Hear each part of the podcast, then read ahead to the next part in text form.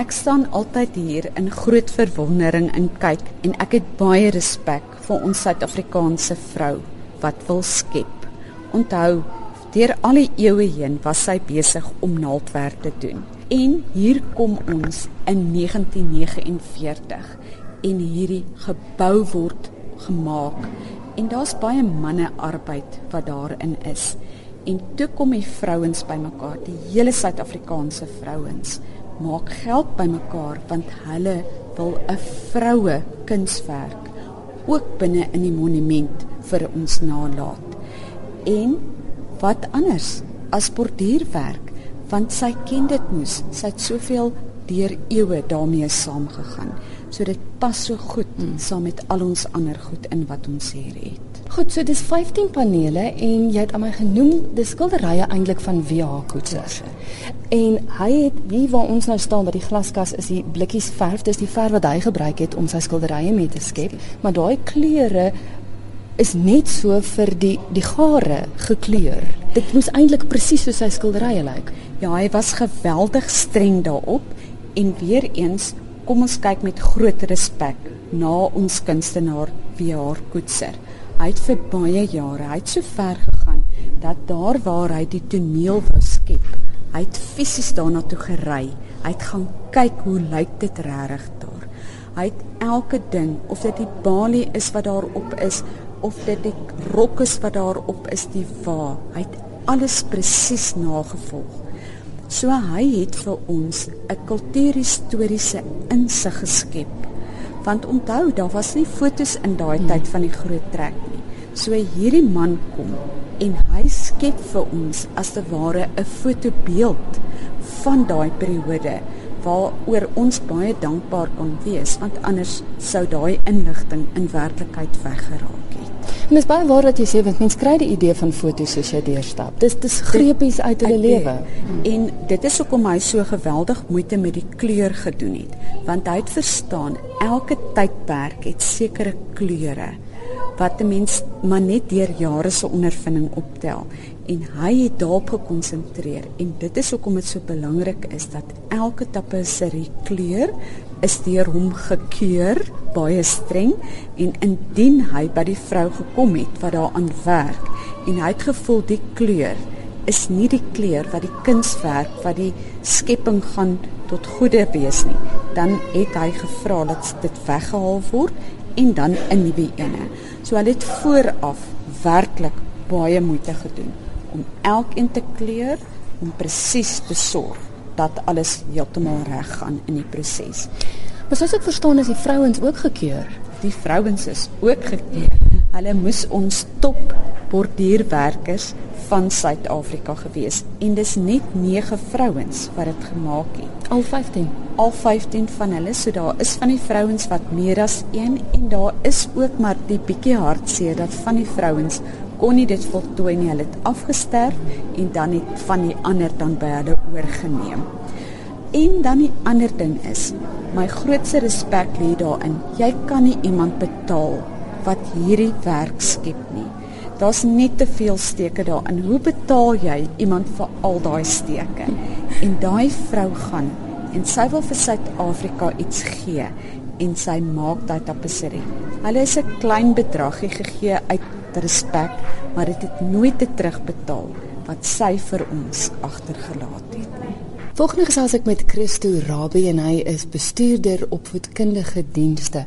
En ons gaan verder gesels oor die 15 panele, die borduurpanele. Dit is ongelooflik baie kleur gebruik en ek weet ek het nou met Anne Marie gestaan en gesels oor dis presies dieselfde kleure wat wat in die skilderye was wat nou in die borduurstukke is. En ek weet in een van hierdie kaste as ons hier so oorbeweeg is al die die wol wat gekleur is wat gebruik is hiervoor. En ek meen dis 'n magtom kleure. Ja, ek dink die kleurkwessie is regtig waar 'n interessantheid eh, rondom die tapisserie. Ek probeer altyd teruggaan na die jare 50 en 60. Dan vra ek myself as jy na hardeware winkel ingestap het, wat was beskikbaar? Ons spot nou al met hierdie battleship grey. Jy weet daardie jare het almal hierdie afskuwelike dooie kleur grys gebruik om huise te verf. En as die kinders my vra nou wat was beskikbaar dan sê ek nee dit was 'n lelike grys, 'n lelike groen, 'n lelike blou en dit was dit. So dis was jou keuses gewees. Dit wat uh Koetser hier bereik het is eintlik heeltemal voor sy tyd. Dit klink vir ons vandag na niks want ons is waarskynlik baie bederf. Ons is bederf met massas kleurskemas wat jy kan kies.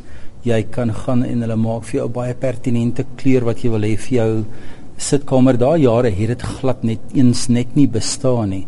So Koetser het deur 'n ongelooflike projek gegaan om 130 kleure aan te maak en die wolle is volgens daai kleure dan gekleur ook. En dit is wat ons in hierdie uitstalkas sien.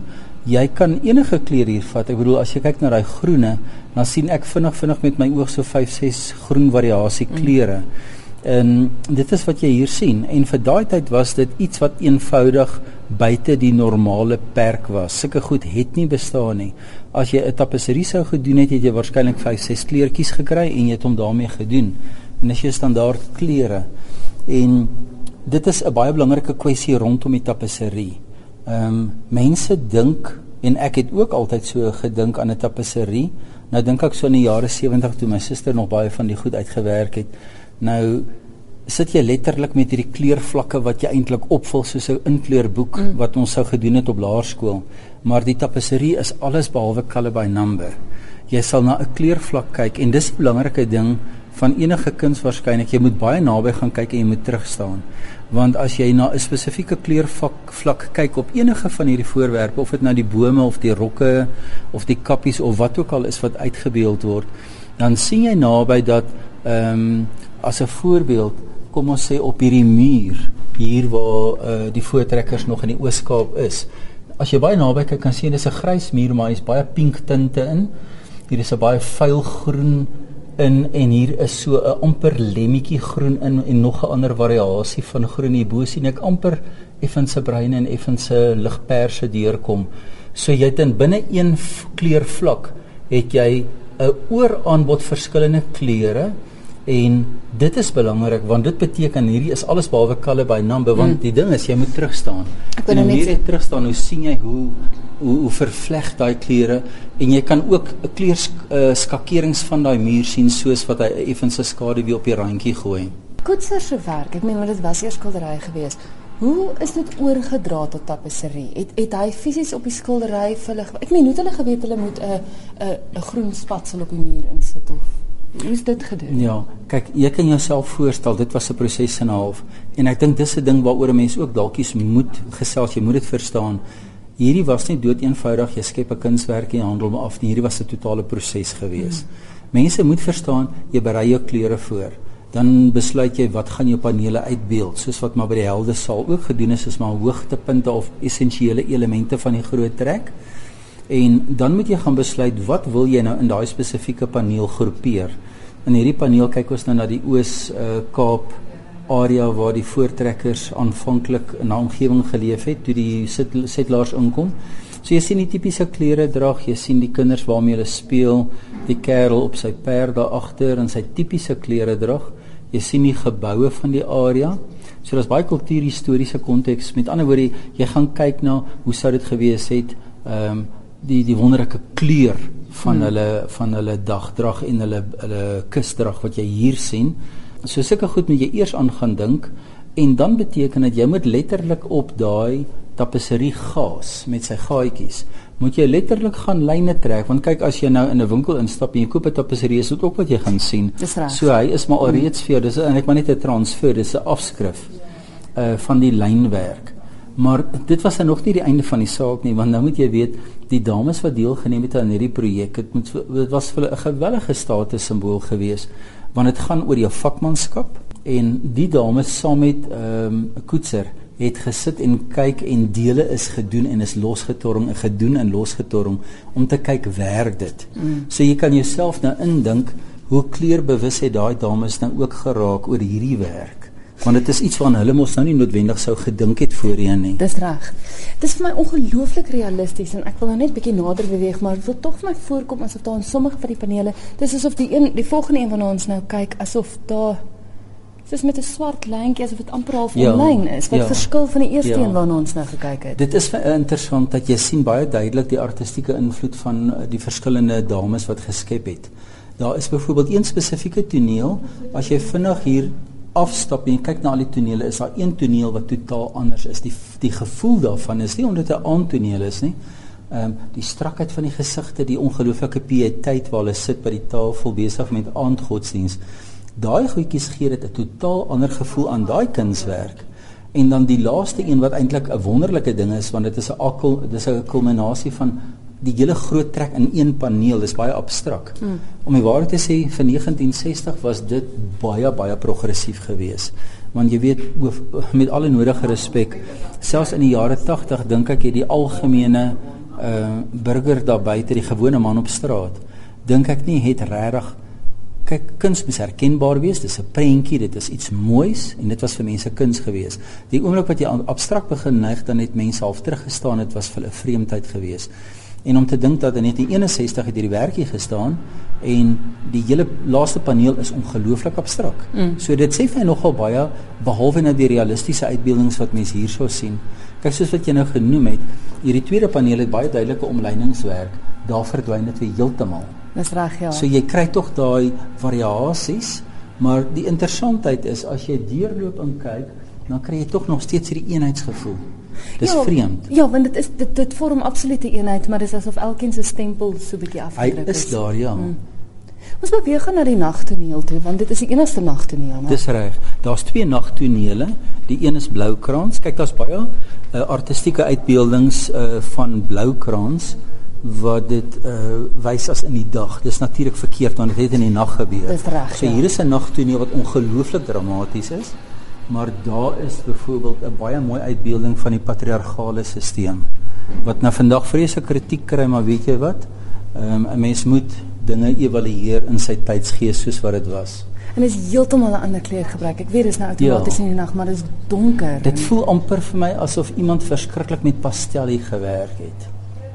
So dit is my amper vreemd vergeleke met die ander. Ja. By iets wat my baie fascineer van van albei nagtonele, jy gaan dit sien by Bloukrans ook. As jy naby beweeg, dan sien jy die hierdie aaklige geel steekies wat daar is en as jy terug staan, dan is dit absoluut perfekte nagsterre. Ja. En dit gee vir jou net hierdie atmosfeer. Kyk byvoorbeeld daar buite agter die wa. Ons ons kyk net na die toneel waar die waar die uh is waarskynlik die oupa ja ek sien daar sit 'n jonger man en hy is al bietjie ouer as 'n jong man. So die patriarg is waarskynlik die pa of die oupa sit en lees Bybel hulle is hier onder 'n tenttoneel maar aan die buitekant van die toneel in die nag kan jy sien na buite se vuur dan sien jy al daai refleksies van buite maar jy sien nog steeds die nag donker ook. En hierdie kant kry jy duidelik ook die gevoel van lig waar jy hierso by die kersse sit. En jy kan sien hoe wapper daai kersse hierso daar's 'n ligte briesie. So daar's nog steeds ongelooflike realisme, maar dit fascineer my net om te sien hoe gefokus is hierdie mense se aandag op hierdie man wat lees uit die Bybel. Dit is net vir my verstommend dat dit met wol gedoen is. Weet jy wat my eintlik verstom rondom die kwessie van wol? Kleur is 'n gewellige moeilike ding om te bereik as jy met wol werk, want hier het jy 130 kleure, mm. maar jy het 'n keuse. Of jy moet gaan toets bestuur en kyk werk dit of werk dit nie of jy moet dit gaan oordoen. So jy moet baie fyn gaan kyk het watter kleure werk saam want ek kyk byvoorbeeld nou hier so langs die nagtoneel na hierdie gedeelte hier agter wat verskriklike interessante kleurvermengings het wat vir jou so iets iets so 'n gevoel gee van ysigheid uit die hemele uit soos dit reën hierso. Daar's sulke wit spikkeltjies daarin. Goed, dit is 'n 'n 'n haaltoneel. Maar jy moet baie bewus wees van jou kleurgebruik. En ek dink dit was 'n baie moeilike ding om te bereik, maar wat my meer fascineer is jou spanning van jou wol. Kyk, jy het verskillende dames deelgeneem wat beteken as jy daai wol te styf trek deur daai gaatjie, dan gaan hy baie platter raak. En as jy hom bietjie vrye teels gee, dan gaan hy effens 'n knoppietjie trek, dan maak hy effens bol. So hulle het 'n ongelooflike konstante spanning op die wol gehou soos hulle mm. hom deur getrek het. Dit is my ongelooflik om dit te sien, maar moet jy weet vooraf moet jy baie pertinent bedink watter wolkleur op watter gaatjie elke keer. Want soos jy hier kan sien hierdie lyntjies wat hier afloop hier in hierdie donker mm. donker reënwolk, daai gryse wat so tussen die bloue deurkom. Dit is nie iets wat net randomly per ongeluk hier en daar gebruik is nie, want jy kan baie duidelik sien die digtheid daaraan raak 'n bietjie eiler en eiler na die kant toe. So dit is baie dis baie fyn uitgewerk en beplan. Christen met wat is die wol gekleur? Kyk, daar is mos, soos jy sien in daai kas, het hulle omtrent die 130 kleure uh, vir jou gewys wat beteken hulle moes 'n oliebasis gebruik het om hom te kleur want jou probleem is jou natuurlike kleure is baie beperk. Mm. As jy goed soos henna en selfs borrie en selfs steenkool of koffie sou gebruik, dan moet jy hom in verskillende sterktes maak maar jy het baie beperkte skakerings. So hy moes baie sterk op sy olie gewerk het. Sonne kyk nou na hierdie haltoneel. Dit is ongelooflik. Mens besef nie eintlik waar deur hulle is nie nou want ek kyk nou na die flenters geslaande ossewaans en ek ja. meen mens dink nie dit het gehaal en hulle moes daarmee ook hmm. vrede maak. Weet jy wat ek nou weer gedink het? Ehm um, ek kyk ook na daai selfde waakappe wat so flenters is en jy weet daai seile is nogal sterk. Nou moet jy dink dit is waarskynlik dit raak laat Ehm um, hierdie arme meisie probeer desperaat 'n vuurtjie in die gang hou om hitte te kry want dit lyk my die die vlag is so passief verby. Nou sit jy waarskynlik vanaand met sop uh, sopnat beddegoed. Jou klere is papnat. Mm. En wat ek later eens agtergekom het Anne Marie is nou besig met 'n publikasie oor voetrekker klere. En wat ek eers na die publikasie wat nou feitelik afgehandel is, hier agtergekom het, is kyk hoeveel mense lokaal voet hier rond. Toe besef ek later te sê se van ja, maar jy moet besef leer moet elke keer gebrei word as dit nat word. So jy het liewers met jou kaalvoete in daai modder en in daai hal rond geloop in daai vriesende koue voordat jy deur daai verskriklike proses moes gaan om weer alles van voor af te brei. So daar was baie praktiese implikasies wat dit gehad het vir mense. Jy kan nou dink môreoggend kan jy nou net skoentjies aantrek nie en jy gaan dalk deur dorings moet loop want jou skoene is te hard, jy kan nie dit goed aantrek nie. En jy het ook net een paar. En jy het maar net. Ons is maar bedorwe vandag, nê. Nee. Christons het nou die afgelope paar weke op RSG Kuns gesels oor oor al die die kuns hier by die Voortrekker Monument. Julle het kunstoere wat julle aanbied. Ja, nee, kyk, die kunstoere is eintlik 'n baie ontspanne manier van werk hier want daar is so 'n ooraanbod. So jy kan tussen die graniet, die tapisserie hier, die olieverskilderye, die brons, die ehm um, marmer in die helde saal het jy so 'n ongelooflike wye aanbod van verskillende materiale en verskillende benaderings. So jy kan regtig waar hier en daar net enkele keuses maak en jy kan met elke toer kan jy iets anders kies. So daar's geen manier dat jy ooit verveeld gaan raak met dit wat jy sê en oordra nie. En ons is nogals baie geslaagd op hierdie stadium met ons graad uh, 10, 11 en 12 toere. Ons het in Augustus vanjaar het ons 'n kunsexpo gehad. So ons het gekyk rondom kunstegnieke, uh want die tegniese sy van kuns is 'n baie problematiese kwessie vir onderwysers. Ehm um, jy gaan byvoorbeeld kinders kry wat op 'n op 'n plastiek voorwerp verf en hulle besef nie dit gaan afdop nie. Dit is 'n logiese ding. So die kinders ken nie altyd hulle materiale nie. So hulle het pertinent gekyk na kunstegnieke en materiale. Ehm um, en dan het ons hulle ook op 'n toer geneem en ons het uit en uit net op spesifieke aspekte rondom kuns gefokus en juis omdat hulle so besig was met die uh media kwessie uh die materiale wat jy gebruik het ons baie daarop gefokus ook. En ek moet vir jou sê ons sukkel baie keer om die kinders weggesleep te kry van party panele. Hulle wil hulle vra vra en hulle kyk na goed en hulle gee vir jou insig rondom sekere goed wat hulle raak sien en dit raak 'n vreeslike lekker interaksie tussen jou en die kinders. Jy vertel nie altyd stories en jy kyk na 'n ding, jy vra, ehm um, jy wys sekere goedjies uit en vra wat dink hulle daaroor en hoe voel hulle oor die komposisie van van sekere panele. Seker ongelooflike lekker terugvoer van die kinders, maar ehm um, sedert ek verlede jaar die begin het, het ons ook baie township onderwysers ingehaat. Ehm um, van Pretoria omgewing spesifiek. En ons het 'n ongelooflike massa besprekings gekry van groot groepe kinders. En wat lekker is, jy kan nog steeds 'n sekere aspek van die groot trek bespreek, want dit is wat die paneel of die toneel vir jou maar vertel. Mm -hmm. En hoe ondersteun die kuns dit? So jy kan kyk na die tegnieke, jy kan kyk na daai vreeslike dramatiese kleurgebruik, jy kan tekstuur, jy kan komposisie, jy kan al die basiese beginsels rondom kuns praat. En dit werk absoluut soos 'n bom nou wat ons maar gewoonlik doen vir die onderwysers. Uh gee hulle lynsketse van sekere panele en sê goed, dit gaan definitief op die op die toer bespreek word. Hier is 'n sketsie laat jou kinders na die tyd praat en sê wat het hulle gesien, wat kan hulle onthou. En ek dink dis die punt waartoe ons die kinders wil bring. Jy moet praat oor goed, jy moet dit bespreek. Jy moet sê waarvan jy gehou het, wat vir jou goed was, wat nie vir jou so goed was nie, want alle kuns het maar kyk, niks is nooit perfek nie. Mm. En ek weet die die oosterling het 'n baie pertinente ding daar rondom ehm um, 'n keramiekstuk is nooit perfek as hy perfek asimetries is nie. Dit is nie vir hulle die beste kwalifikasie vir kuns nie. Jy moet altyd kyk na die flaws. Daar moet iewers iets in die kuns wees wat half ingesluip het wat as ek wil nie sê minderwaardig nie, wat minder kunstig gedoen is en dit is wat dit ampertjies vir hulle daai waarde gee van dis menslike werk. Hoe maak luisteraars as hulle so kunstoer sou wou bywoon? Weet jy, uh, ons bied gewone toere aan soos dit mense pas op 'n tyd wat hulle pas en dan sal dit gawe wees as mens dan vir hulle 'n gids reël wat hulle sal deurneem. Daar is gewone koste implikasies want 'n uh, gids se tyd en uh, natuurlik hulle ekspertise rondom die onderwerp.